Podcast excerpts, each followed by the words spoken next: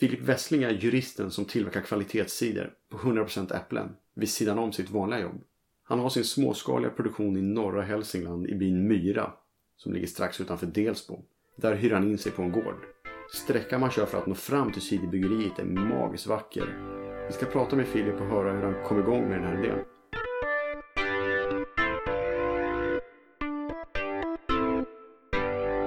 Den här är ju då, får väl benämnas som färskcider fortfarande. Den här ska nog stå ett halvår till. Och den här är från eh, förra årets äppelskörd då? Exakt. Så den här buteljerade jag för en dryg månad sedan. En och en halv. Har, har du lust att berätta lite om, om den? Det som är särskilt med den här är att jag har ovanligt få äppelsorter. Vanligtvis brukar jag kanske ha 15-20 äppelsorter i alla fall. I år har jag nog tre, fyra kanske. Med en stark tonvikt på ganska parfymiga äpplen. Sen ska jag inte säga att det slog igenom så mycket som jag hade trott kanske i cider. Men jag var ute efter äpplen som är blommiga och parfymiga i smaken. Jag ville se vad, vad som blev av det.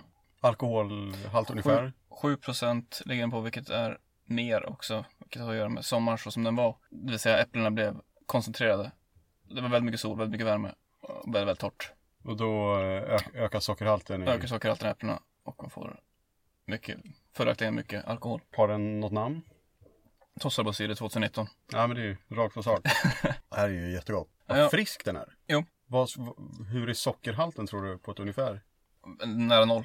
Ja det är så? Nära noll. Från början tyckte jag, när jag började dricka den här cider Carné som jag pratade om, den i Bretagne, den, eh, den är ganska söt. Den, den ligger på gränsen till att kallas för halvtorr skulle jag säga. Jag tyckte det var jättegott då. Det blir som en inkörsport. Jag brukar ofta tänka på, på att nordfransk cider är en bra inkörsport till riktig cider för att den är mycket mer lättillgänglig jämfört Med här söta. Ja, exakt. De är Ja. ändå förhållandevis, även de torra nordfranska ciderna har ganska mycket restsötma. Det intressanta är det som inkörsport, att, sö- att sötma i dryck är ju, det är verkligen inkörsport. Mm. Det är som att man har mycket socker i kaffet när man börjar dricka kaffe. Just det. Sen tröttnar man ju på det söta. Mm. Och så är det ju med, man börjar ju med så här söta rödviner. Och sen vill man dricka vita Rieslingviner med sjukt hög syra. För att det är mer intressant helt enkelt. Mm. Det här är ju på något sätt mer åt, eh, alltså den här friskheten är ju liksom som ett mousserande vin Mm. nästan. Den här torrheten. Jo, jag, jag brukar nog, när jag ska sälja in det här, när jag väl gör det, Alltså, så brukar jag beskriva, en, vanligtvis har jag inte kolsyra. Jag brukar beskriva att det ändå är, att man kanske kommer närmare tänker på, om man ska ha mat framförallt, tänker på vad skulle du ha ett friskt vitt vin till än, än, än någonting annat. Eh, att, att en cider ligger på många sätt närmare vitt vin än öl som den annars ofta jämförs med. För man dricker det kanske som en öl, men det är nog inte smakmässigt så nära sanningen. Det här är ju ja, som ett, ett superbra alternativ att föredra till mousserande vin i många fall. Med lägre alkoholhalt också. Mm.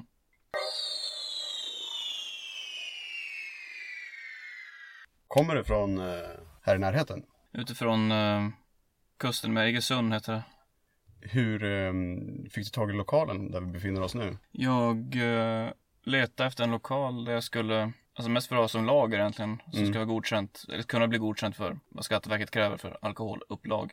Eh, men sen när jag kom ut hit, för att hitta en annons i tidningen, så eh, märkte jag att det var, alltså, han som har det hade byggt det som ett, skulle bli ett mikromejeri. Eh, så att det var ju som perfekt för att ha ett mikrobryggeri i. Så då flyttade jag hela, la hela verksamheten här egentligen. Och vi sitter nu i Myra. Myra by som ja, sitter ihop med Delsbo egentligen i norra Hälsingland. Du är här uppe på helgerna, stämmer det? Stämmer. Åker mellan, eh, jobb, jobb, jobbar i Stockholm och bor på veckorna i Uppsala. Sen åker jag hit på, eller mitt hus ute vid kusten då på helgerna. Vad jobbar du med i veckorna? Jobbar som, eh, ska man säga, jurist på eh, regeringskansli. Hur länge har du jobbat på regeringskansli? Två år har jag jobbat där. Och vad, vad jobbade du innan du hamnade där? Innan jobbade jag på eh, en myndighet som håller på med den heter, Energimarknadsinspektionen och Sveriges mindre kända myndigheter kanske. Den jobbar med elmarknad och eh, elledningstillstånd och sådana frågor. Är man mer inne mot eh, miljörätt Ja, då? exakt. Miljörätt är min, min, min, mitt gebit annars när jag jobbar. Du pluggade jurist i Uppsala? eller Stockholm. I, i Stockholm. i Stockholm. Hur kommer det sig att du bor i Uppsala då? Hur hamnade du där? Jag, ja, jag är egentligen knappt jag vet, men jag är inte så, jag har aldrig tyckt att Stockholm var något trevlig stad. Jag hade egentligen velat plugga i Umeå, men eh, min, hon som är min fru nu, nu som jag var tillsammans med, men då, hon skulle då läsa till en utbildning som bara fanns, enda stället där det fanns både jurist och eh, den utbildningen som mäklare var i Stockholm. Så det blev det Stockholm. Men sen så eh, ja, ville jag egentligen flytta därifrån så fort jag fick möjlighet när jag hade utbildat mig klart. Så flyttade jag till Uppsala för hon skulle dessutom då skola om sig. Det här, hennes, utbildning, hennes första utbildning var kortare än min och sen skulle hon skola om sig. Så då flyttade vi till Uppsala där hon läste sin andra utbildning. När startade du Tossarbo cider? Um, jag tror att själva företaget startade jag nog, uh, vad blir det alltså för 2012 blir det då? 2011 eller 2012, något sånt där. Jag var i, eller vi var i Frankrike strax efter, strax efter gymnasiet, så vi var i Frankrike och åkte omkring och, och fick jag lite upp ögonen för cider när vi var i Bretagne. Uh, och sen när vi kom hem så, också min, min morfar har alltid hållit på med, uh, alltså gjort björksavsvin och alla möjliga sådana saker. Så det fanns ju massa gamla damejeanger, alltså glasflaskor efter honom och jäslås och grejer. Så jag hade någonstans i bakhuvudet ändå att man kunde hålla på med. Ja, du hade en idé att du skulle kanske kunna tillverka någonting? Ja, exakt. Alltså, jag, är alltid, jag är alltid väldigt fascinerad av när, när stod och bubblade inne i hans, uh, ja. hans arbetsrum. Så jag tänkte att, ja, så jag hade det någonstans med mig. Så tänkte jag att man borde kunna göra sådana sidor i, i Sverige lika gärna. Och fast äpplen hamnade ändå bara på gödselstackar, komposthögar. Så jag tänkte att då... Och du var, du var och reste tillsammans med din flickvän i Bretagne, mm. sa du. Var det där någonstans du fick upp ögonen för riktig cider om man säger så? Jo, jo exakt. Det var jag, menar, jag, minns, jag vet inte, visste inte ens vad det var först. Jag åt crepes där och höll på. Vi hade inga pengar förstås. Så vi åt det som var billigt. Men sen så drack folk någon, någonting i liksom sån här liksom keramikkrus. Ja. Och då um, vart jag nyfiken på det där. Som stora muggar? Ja, precis. Stora mm. muggar. Och, då, ja. Så då fick jag upp ögonen för det. Faktiskt så var det så att den, den cider som jag drack mest där, som jag fick verkligen älska då, och sen har jag inte kunnat få tag på den har de nu tagit in i någon slags ordinarie, ordinarie sortiment i Systembolaget. Så att nu, nu kan jag dricka den hur mycket som helst, vilket ju... Vilken var det? Cidre Carnet heter den. Den är ganska billig. Mm. Eh, också. Så den är, den är, men jag tycker, tycker väldigt mycket om den. Vilken stad var det i Bretagne? Quimper var vi framförallt. Och Bretagne är alltså nordvästra Frankrike ut mot Atlantkusten där. Ja. Bretagne tillsammans med Normandie, det är väl där cidertraditionen är som starkast i Frankrike. Så är det.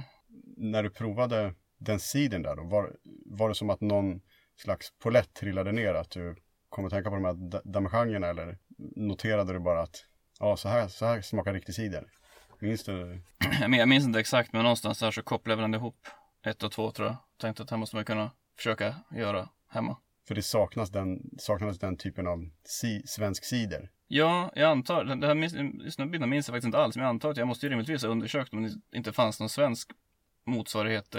Och då var det också ganska svårt att få tag på även bra fransk cider i Sverige. Eh, det fanns väl en par flaskor kanske på Systembolaget. Men jag antar att jag måste ha kollat först. Ja, det, det, detta minns jag inte, men mm. det, det bör ha varit så. Det är så jag borde, borde agera. Sen gick det några år då, antar jag. Och, och om man spolar fram till 2012, när du började starta upp det här. Vad, om du tar oss tillbaka, minns du vad som, vad som hände där när, när du bestämde att nu ska jag försöka starta upp en ciderproduktion? Uh, alltså jag hade ju gjort cider några, några år liksom i, uh, utan att ha företag. För... Okej, okay. du hade haft en hobby? Ja, alltså precis. Bara gjorde den lite grann om hösten, 10 liter. Uh, på äpplen jag hade. Och det Men... gjorde du um, här uppe i, i ja. Hälsingland då också? Exakt. Körde med råsaft, centrifug och uh, äpplen som fanns lite här kring. Ja, jag förstår. Så där började du träna? Jo. Hur, hur blev den sidan?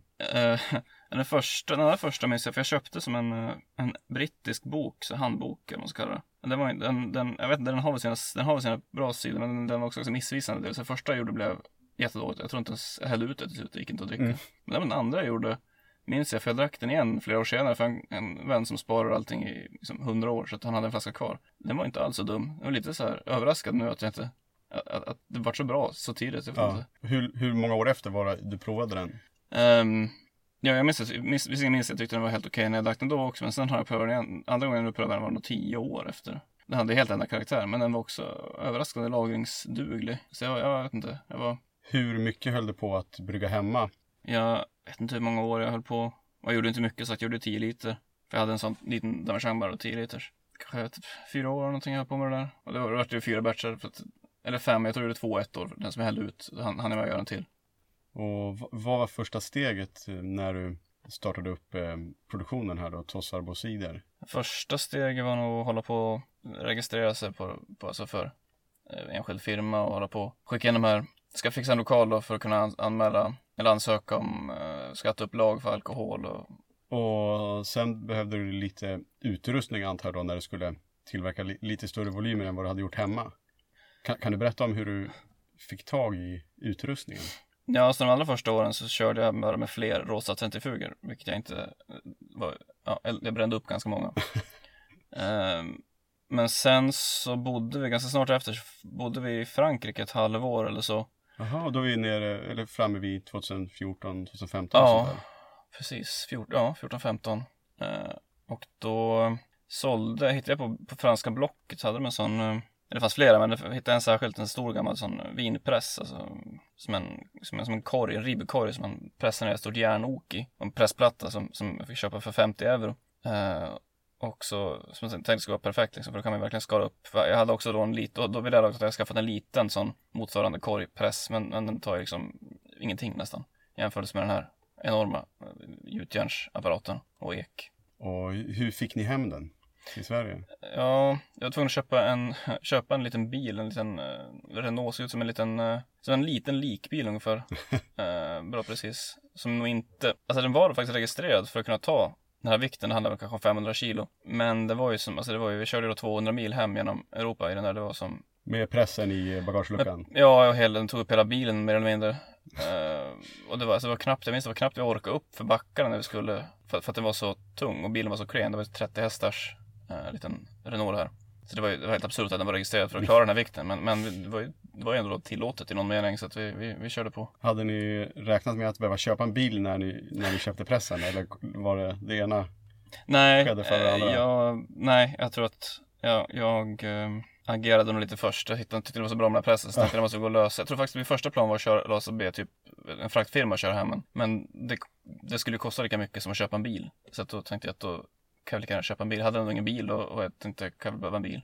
Klassiskt impulsköp, en, eh, en sidopress. Exa, exakt. Ja. Var i Frankrike var, var det här? Alsace, vi bodde i Strasbourg och det här Ja, ja, pressen var från en by ja, strax norr om Strasbourg. Vad gjorde ni i Strasbourg då? Eh, läste sån här utbytestermin. Ja, Alsace, det är ju härliga, härligt vinområde. Jo. Åkte ni runt mycket i... Kolla runt i Alsace? Ja, jag var väldigt, vi, vi hade, det var också en anledning till att ha en bil, att vi ville gärna fylla den med, med äh, alsaciska viner som vi, Kunde de, de utrymmen som inte var ciderpress var vin. När ni var färdiga med plugget så fraktade ni hem pressen. Var ställde ni pressen då? Eh, vi körde ut den direkt, eller ja, bilen havererade förresten på Fridhemsplan i Stockholm, kommer jag ihåg. Var vältajmat ändå. Ja, jag tror jag skulle på en intervju där. Så det var ju tur att vi tog oss hem eh, till Sverige. Men, men, ehm, men vi fick väl bo- bogsera nog hem bilen. Och sen körde vi direkt ut pressen i alla fall. Ut då till Myra, till, till bryggeriet som jag då hade skaffat ganska nyligen. Ja, det var... Skaffade du det när ni hade kommit hem från Frankrike? Alltså där vi sitter nu ska tilläggas. Just det, nej, eh, det var nog innan vi for. Ganska strax innan, för det var inte så säkert att vi skulle åka heller förrän ganska sent. Så att jag, jag hade nog tänkt eh, skala upp lite grann precis innan vi åkte. Eh, och sen har det inte så stor betydelse tänkte jag också, för att det hände ju inte särskilt mycket i ett ciderbryggeri i perioden liksom januari, juli. Det är ju ganska stillastående. Framförallt om man inte har gjort någon stor batch hösten före. Då. Ja, för hur, hur ser ett ciderår ut om vi går in på det? Ja, det börjar egentligen med äppel, kan man säga, det börjar med äppelskörd, framförallt september. Och sen eh, när de äpplen har fått lägga ett tag så är det mustning, vilket tar en lång helg brukar jag säga att det tar. Det varierar väldigt mycket på hur mycket man har, men ungefär en lång helg. Sen gör inte jag så mycket mer förrän de har jäst klart äpplena, musten. Ehm, jag åker ut och tittar till lite då och då. Men eh, sen, är det butel- sen är det buteljering någon gång i kanske mellan februari och april normalt sett. Och sen är det egentligen det. Eh, det är egentligen det. Sen kan, sen kan man ju sticka, det gör jag ju, sticka in en massa små åtgärder här och där och petar och funderar och experimenterar. Men det där är ändå de, de liksom stora delarna. Ja, vi ska komma in lite mer på produktionen snart tänkte jag. Men om vi går tillbaka till när, ni, när bilen pajade på Fridhemsplan då. Ni löste det antar jag så att ni fick på något sätt igång den igen och, och, och kunde köra upp grejerna hit. Nej, det var nog där vi, vi, vi bärgade då därifrån till någon verkstad. Men de skulle ha hela sommaren på sig och fixa bilen. Och jag tänkte att det, det måste gå att få billigare och snabbare gjort hemma i Hälsingland. Så min far fick komma och hämta oss och boxera. Alltså släpa oss med mig bak ja, 30 mil upp till eh, Hälsingland. Med pressen i bakluckan. Med pressen i bakluckan. Det var ingen, ja, det var, ingen, det var verkligen ingen, ingen höjdar, höjdar, Men höjdarresa. stå, den står den här. Ja. Och sen kom ni hem då, då antar jag att ni eh, hade något, något år eller två kvar att plugga. Eh, nej, eh, var då var färdigt. vi, jag åtminstone klar. Jag minns inte hur det var med för, men jag var klar då. Okej. Vad, vad hände sen då i, i CD-produktionen när ni hade fått, fått pressen på plats? Som, Mm. Det är väl den stora prylen man behöver för att tillverka cider, misstänker jag. Ja, Jo, det är det, det och jäs äh, kärl, alltså. Mm. Men det är ju, men de är inte lika komplicerade eller lika dyr. Normalt sett, nu var den här billig, eh, den här, men annars kostar pressutrustning kan vara ganska dyr. Nej, vi, vi, det vi gjorde var att vi testade att göra ett, för det var ett bra äppelår också, så tänkte nu ska jag göra mycket i år, mycket sidor. Så jag gjorde, jag vet vi köpte någon sån, eh, eller jag fick något gratis, det brukar vara så eh, Någonstans ifrån, eh, så här, kubiktank, alltså en eh, vatten, för vatten, alltså en stor vit eh, tusen liters eh, behållare. Så jag prövade så, men så fick vi inte ihop, vi fick mycket sidor, så vi fick ihop en eh, 900 liter ändå där och det var ganska mycket för vi hade inte, det var mycket mer, mycket, mycket mer än vad vi hade gjort tidigare. Men det var ändå, av någon anledning så fick jag inte tillräckligt tätt, jag hade nog inget vettigt jäslås, så jag fick inte tillräckligt tätt på, eh, alltså på förslutningen. Så att det var till slut att det blev mer eller mindre vinäger. Jag hade liksom 900 liter äppelcidervinäger med kanske 2,5% alkohol och eh, en hel del då vinägersmak. Så det var inte, det var inte, inte så lyckat. Det här var alltså första försöket att göra det lite eh, Ja. i större skala. Precis. Vad gjorde du med? Jag eh, tog kontakt med ett destilleri som ligger i Järvsö, inte så långt härifrån, och frågade inte om inte de kunde ta den lilla alkoholsubstansen då och koka sprit på det där. Så det blir som en slags calvados då, eller äppelsprit åtminstone. Och det, det kunde de ju åta sig. Så att det vart i alla fall, Det, blev, det hände något med det till slut. ja, jag fick i alla fall någonting kvar av det där.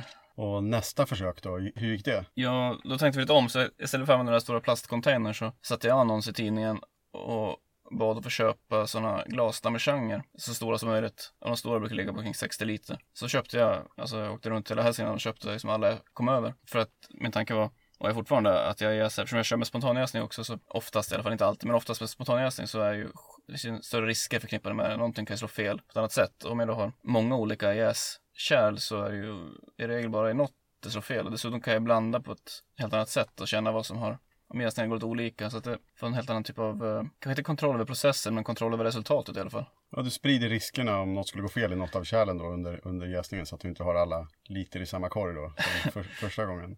Exakt. Men du nämnde att det är spontan jäst i de flesta fall och det, det innebär att du inte tillsätter någon jäst helt enkelt. Så. Hur lång tid tar det innan jäsningen sätter igång naturligt då? Högst en vecka, men, eh, eller den är synbart igång efter högst en vecka. Alltså så att den verkligen har fart. Men den sätter igång så smått i regel efter några dagar. Fyra åtminstone, normalt sett. Det har aldrig slagit fel heller.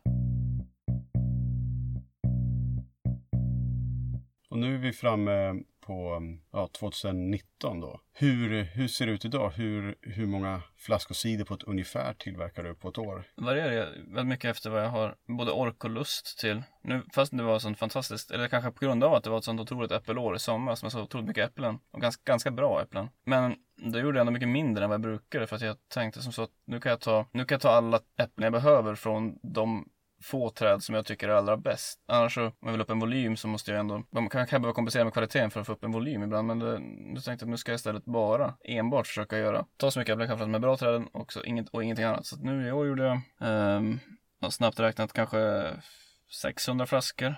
Vilket, inte, ja, vilket är lite för mig också. Det är väldigt lite, men det är väldigt lite även för mig. Som mest gjorde jag väl 3000 flaskor då. Hur många olika cider gör du? Det är också svårt att säga. Just nu har jag buteljerat har jag just nu tre olika sorter. Och sen har jag två stycken som ligger på ekfat och ska buteljeras. Och sen har jag då en, den här äppelspriten som jag pratade om, den, jag sålde en del av den men sen så tog jag resten och blandade i årets, eller förra årets äppelmust och så gjorde jag en slags pomå, alltså efter fatlagring, en slags, alltså en slags äppel, normandisk äppellikör.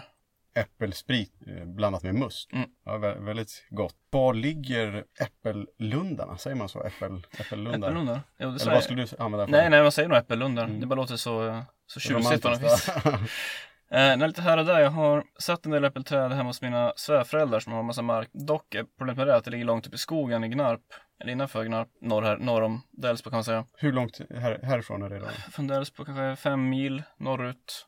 Och eh, de där äppelträden är ganska attraktiva både för eh, älg och rådjur och sork. Så jag har lite svårt att eh, vi försöker hängna in och, och sätta sådana här sorkskydd och så vidare. Så där har jag en del. Och sen har jag också in i skogen söder härifrån, kanske fyra mil söder om här har jag ett gäng träd eh, på familjens, så att säga, en gård som hör till familjen. Sen har jag lite träd hemma på, på torpet också, men det, det är väl mest tror jag för hushållsbruk skulle jag säga, för de, är, de, är, de kommer aldrig, det är så, det är så, så eh, magert där så jag tror att det kommer aldrig bli mer än för någon äppelpaj på hösten. Torpet, är det där du bor när du är Ja. här då? Exakt. När ni skördar då?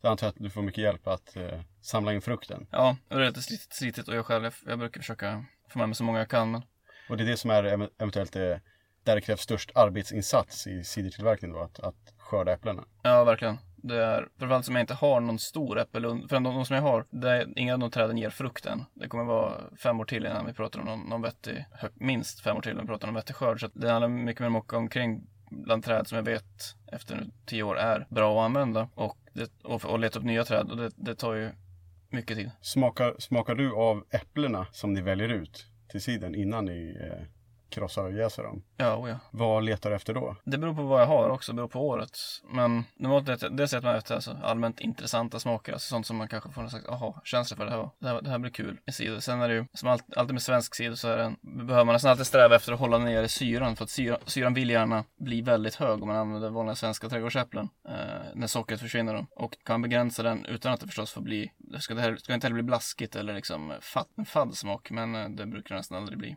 Sen förstås en viss kärvhet vill man gärna ha. Slags, gärna tannin eller, eller en typ av ja, tannin. I skalen? I skalen brukar de ligga. Finns även, vad jag kan förstå så finns det väl även på andra ställen i äpplena. Men, men det där är jag inte expert på. Men, men det är framförallt skalet. Hur skiljer sig svenska äpplen generellt från exempelvis äpplen i Bretagne där, där du upptäckte riktig cider om man säger så? Det är just att de har speciella cideräppelsorter i Frankrike och andra sidoländer som de använder som har, men de har som sina bittersöta och bittersura äpplen som är då har en helt annan typ av kärvhet och beska och bitterhet, tanninhalt än vad man kan hitta i svenska äpplen där de äpplena på ett helt annat sätt liksom genomsyras. Det finns i, och det brukar jag plocka också när jag kommer åt, i svenska prydnadsaplar, alltså paradisäpplen eller sådär. Och även i vild, förvildade äpplen eller rena vildapelträd som dock inte finns så här långt norrut. De kan ha den typen av kärvhet i smaken som man letar efter, men då är det egentligen svårt att hitta några mängder av dem. Med, med vin vet jag att man pratar mycket om eh, terroir och att eh, ja, olika vinranker som har vuxit på en viss plats ger, ja, återspeglar den, ja, det unika klimat som råder där. Kan man säga att det, samma sak gäller med äpplen? Um, ja, ja, definitivt klimatet, det lokala klimatet. Alltså det är på väldigt lokal nivå. Det kan skilja mycket på, på exempelvis en transplant blanche som, som finns, det finns nästan i varje trädgård här. Det skiljer väldigt mycket på dem var, var de står. Däremot vet jag inte, pratar sig också om terroir, alltså kopplade till här, mineralhalten i jorden och så vidare. Både för vin men för äpple, äpplen också. Det, det, det, där vet jag inte. Ja, det vet jag, det där är debatterat i, i vad mån det där faktiskt kan slå igenom i äpplen åtminstone. Men definitivt det lokala klimatet har jättestor betydelse. Det finns äpple, jag använder äpplen här uppe som jag aldrig skulle använda i södra Sverige. Därför att de har inte den, de får inte rätt karaktär där. Och säkert finns det, säkert funkar det vice versa också. Är det så att det optimala cideräpplet på ett ungefär, om jag åt det, då skulle jag inte tycka det var så gott? Det beror lite grann på vilken cider du vill ha, men det är, mm. nog ganska, det är nog ganska troligt att det är så. Den, den cider som de flesta vill ha, den får man av äpplen som de flesta inte vill äta. Hur skiljer sig din svenska cider skulle du säga från, om man jämför med klassisk fransk cider och eh, klassisk engelsk cider som ja, är väl de två stora som jag kommer att tänka på i alla fall. Finns det tydliga skillnader? Den är ju då, just på grund av det här med att det saknas utpräglade, och jag vill gärna använda svenska äpplen. Och med svenska äpplen menar jag inte bara att de ska vara från Sverige utan att de, den sorten ska vara från Sverige. Och det gör ju att de blir då mycket mindre, mycket tanninfattigare. Eh, man får jaga efter de där tanninerna. Tanniner är den här lilla strävheten mm. som man hittar i bra sidor. Ja, och i mycket annat som är ja. gott. Och, att, och även en, en del andra kär, kärva smaker alltså, som, som man kan vara svåra, svåra att få fram i Sverige. Eh, medans, och det blir också en annan, det ger en slags, eh, kan man säga, mustighet till den franska framförallt sidan, nordfranska sidan. Som inte, som är väldigt, väldigt svår att få fram i en hel svensk sida ska vi säga att den svenska sidan som görs på svenska äpplen påminner mer om eh, viss tysk eller baskisk cider. Eh, som också är stora sidor, jag kallar för nationer även om de inte har några, något land. Hur, hur, viktigt har det varit för dig att ha den här typen av syssla vid sidan om ditt 9 5 jobb om man säger så? Jag vet inte, jag, jag har väldigt, jag har mycket också annat för mig. Så jag, jag vill gärna ha någonting där. Jag blir väldigt uttråkad av att inte ha någonting att göra vid sidan av liksom, kontorsjobbet. Och det här, det här är ju en del av det då. Och det som kanske är mest, eh, det som är mest, inte seriöst, men kanske mest eh, utåtriktat. Mycket annat som jag gör. Alltså jag håller på mycket med trädgårdsodling generellt. Det kopplar också till det, att det låg nära till hands med att börja göra cider, för jag har alltid haft ett intresse för fruktodling till exempel. Men, men de, det är ju mer eh, för min egen skull. Det här är kanske mer också någon typ av mission, men jag är ganska inåtvänd var kan man hitta dina produkter idag? Just nu, just nu tror jag inte, jag har inte börjat sälja liksom årets, ja, den sista delen av, sidoråret cideråret som du frågade om innan är väl egentligen sälj, någon säljsväng som man gör när cidern har lagrats klart för året. Och det har den inte gjort än. Så att just nu tror jag inte det är någonstans den finns att köpa. För jag har inte börjat med årets säljvända än och jag har liksom ingen eh, Tidigare har jag åkt mycket runt och sålt på, loka- på restauranger i trakten här. Och det är ju, det, jag tycker det är väldigt kul för jag, tycker, jag vill gärna att det är där den ska finnas. Nackdelen med det är att det blir väldigt mycket tid till att sitta och köra långa sträckor för att sälja förhållandevis lite flaskor och så måste man liksom, det är inte som att jag har en distributör utan jag måste göra det där varannan vecka så då kör jag ut med 20, liksom 20-30 flaskor i stöten och det, det, det var ganska tärande. Och fakturera och Exakt. ställa in det och... Mm, ja, precis. Så, att, så att jag har väl försökt styra det mot att försöka sälja så mycket som möjligt istället till, till så få som möjligt. Och det är restauranger då som du kommer sälja till sen då? Ja, jag, funderar, jag sålde på Systembolaget en period. Sen införde de krav på affärssystem som gjorde att det skulle bli alldeles för dyrt för mig att ha där. Valido. Det så heter det nog, ja. Nej, så fick jag, fick helt enkelt sluta för jag kunde inte motivera den extra kostnaden per flaska. Jag skulle behöva öka, öka produktionen rätt mycket och framförallt måste ha den produktionen. Måste, jag skulle, måste ha, skulle liksom måste garantera en väldigt hög produktion varje år för att jag skulle kunna motivera och betala för det systemet. Så att då, men det var synd för jag tyckte jag var väldigt, Systembolaget passade mig alldeles utmärkt som säljkanal. Kör man massvis med flaskor till Örebro och till Hudiksvall och så, så liksom får de ut av sig själv. Man kan tänka sig att det kanske kommer vara, ja, beroende på det här affärssystemet och kraven på det, men det kanske kommer vara i framtiden någonting som du kommer titta, titta på. Ja, ja, jag överväger ändå för jag tycker att det är så. Jag, jag, det är kanske mitt största bekymmer med, med att ha ett företag att jag är så ointresserad eller snarare aktivt emot att sälja saker så att jag allt som minimerar min, min, min säljinsats, eh, det värt ganska mycket för mig personligen. Du drivs mer av, av eh, tillverkningen.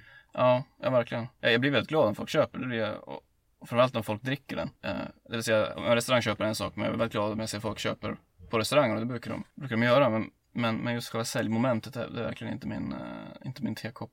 Har du varit på en restaurang någon gång och livesett när de dricker din cider eller beställer din cider? Det måste Ja. ju vara en magisk känsla. Jo, ja, men det har jag. Det, det, var, det, var, det är väldigt roligt. Mm. det händer. Då, då stillstuderade du ansiktsuttrycket antar jag. På Just uh, gör sån uh, kräk, kräkreflexrörelse. Eller ett leende. Ja. Ja, men det är stort. Hur, eh, hur ser du på svenskars ciderkonsumtion generellt? Har du någon analys där? Det är väl mycket eh, okunskap kanske fel, för det är väl i någon mening cider, även de här skogsbärs 70 när man dricker. Men det, är ju inte, det, det finns väl okunskap om att det finns en skillnad mellan cider och cider helt enkelt. Vilket nog beror mycket på att regelverket ser ut som det gör, att det krävs väldigt lite för att få kalla sig cider. Ja, hur är det där? Det är någonting med 15% måste vara... Exakt, 15% av vätskeinnehållet måste vara mm, juice från päron eller äpple. Och det, det, går bra, det går bra också då med juice från, eh, vet du det, man kokar ner det. Eh, extrakt, inte dest, vet du? Ja, eh, nu, jag vet vilket ord du menar, men jag kommer inte på det heller. Ja, vi förstår. Ehm, och, och sen kan tillsätta en massa socker och massa, mm, både det ena och det andra smakämnen. Och så finns det då den här riktiga sidan, ehm, som kanske framförallt tidigare kommer från Frankrike och England, som, som består av enbart jäst färsk äppelmust. Och är det krav där på att det måste vara 100% I Frankrike, ja, äppelmust? i Frankrike är det så. Eh, man- kan få, de, de har lite olika regler. Man kan få blanda i lite päron man kan få jäsa tillsammans med vissa andra frukter. Men i England är det inte så. De har, väldigt, de har regler som inte är så mycket bättre än de svenska, vilket gör att det råder stor förvirring där också. Men de har en annan tradition åtminstone. Så att folk där har nog, med min, med min bild, bättre koll på att det finns olika typer av cider.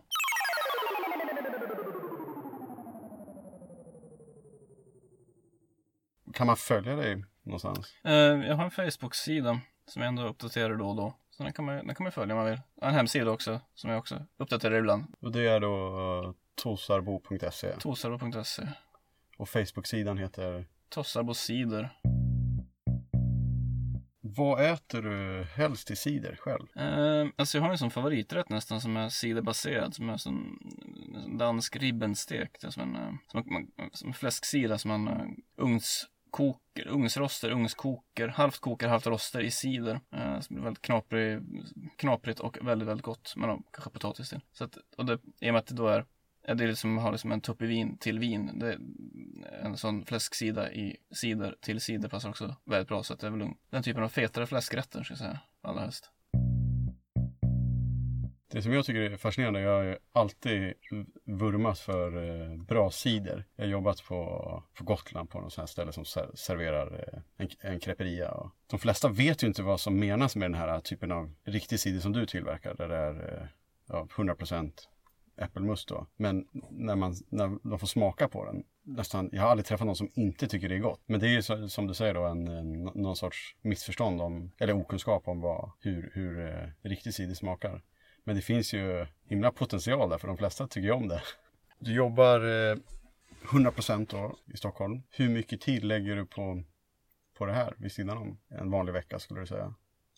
Alltså det där är ju, det är väldigt, det blir väldigt svårt att prata om hur mycket tid jag lägger en vanlig vecka för då handlar det ju egentligen bara om att uppdatera hemsidan kanske och Facebook-sidan och sådär. Det är ju snarare så att jag lägger ju mycket tid i september, i januari kanske och i, ja, i september under liksom plockning och mustning och den månad under vilken buteljeringen sker för då är ofta det väl mycket också och ser när det precis är dags för buteljering och sådär. Måste ni trimma träden och se efter dem under året? Så är det ju också förstås. Men det, jag vet inte, jag räknar, jag, vet inte, jag räknar inte ens till sidoverksamheten för det, det ser jag verkligen bara som ett nästan um, meditativt, meditativ syssla. Beskära äppelträd gör jag jättegärna, kan jag göra hela dagarna. Men det, tar, det, är klart, det är klart att det går timmar till det också. Men, men det, Hur ofta måste du göra det? Ja, det är ett gäng träd som jag beskär på våren och som är eh, vårvintern och som är väldigt eh, ung, vilket är de flesta mina. Och sen så är det några få som jag tar på eh, sensommaren som är äldre. Ja, då har vi kommit fram till blindprovning. Då har jag hällt upp ett glas eh, cider här till Filip och han vet inte vad det är vi provar. Tanken med det här är att eh, ja, få din synpunkt på om det är en bra produkt och vad i sådana fall som gör det till en bra produkt i din mening. Eller om du tycker att den inte är något bra alls. Har du någon så här första, vad du tyckte? Var den god? Jag tycker den är ganska god. Jag tycker, jag tycker om att det, jag tycker om cider. Jag har lärt mig att tycka om kanske cider som ligger högt i syran. Eh, som den här gör. Sen tycker jag inte, jag är inte så förtjust i den här. Men det, och det är för att det är bara en smaksak. Så jag skulle säga att, jag, att det är kvalitetsmässigt bättre eller sämre. Men den här oljigheten, liksom en slags smak som är som en, ligger långt bak och liksom, eh, ja, jag kan bäst beskriva det som en oljighet. Den, den, den är inte, den, den har jag tvärtom lärt mig att inte tycka så mycket om. Ja, Eh, Ja, vad intressant. Jag, varför jag köpte den för- är för att en av mina så första bekantskaper med, med avancerad riktig cider om man säger så. Och det är, eh, det är faktiskt 100% päron. mhm, just. Och eh, den här, den heter då, eh, det är Erik Bordelais. Mm. Känner, känner du till producenten kanske? Ja, ja. Som är väl lite, den är faktiskt från 2014. Mm. Så den eh, har ju några år på, på nacken. Och det, du nämnde ju att du drack din cider efter, vad var det, 10 år Mm. eller något sånt där. Och precis som vin så utvecklas ju cider. Himla speciell smak. Den här den kostar 170 då på Systembolaget i, i beställningssortimentet. Ja, men lite kul. Den här, jag, jag pluggade då sådana så här vin, eh, vin i Dijon då. Och så våran lärare, vi hade en kurs i statistik eller vad det var. Vinstatistik eller något sånt här. Så han skulle prata om Excel-formler och sådär. Men han, varenda lektion i en timme så pratade han bara om, om, om olika viner. Han var belgare. Och han hängde alltid med oss ut på kvällarna sen. Och var helt, alltså helt sjukt vinintresserad. Så då på slutet av framåt småtimmarna någon kväll så beställde han in den här då. Mm. Och bara hällde upp till oss. Och bara den här är så jäkla bra. Så var jag faktiskt därför jag köpte den. Jag Mm. har inte druckit den sedan dess. 3,5. Det är också svårighet med cider. Den, den, eh, syran i cider, jag tror att det är syran i cider och även fruktigheten döljer alkoholen så väl. Så det är ofta väldigt svårt. Om man inte går upp liksom på den 9% så är det ofta väldigt svårt att säga Mm. hur mycket alkohol det är i. Jag vet min årets cider ligger på 7% och vilket är- jag brukar vanligtvis, vanligtvis ligga mellan 4,5 och allra högst 6. Den ligger på 7.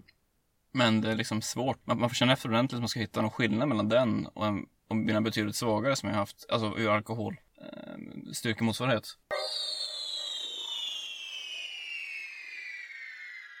Ja, men då får vi tacka Filip så mycket för att han har tagit sig tid att ställa upp på en intervju här. Och ehm, ja, lycka till med allting. Tack, tack för att jag fick vara, vara med. Ja, det var bara kul. Jag stänger av den här.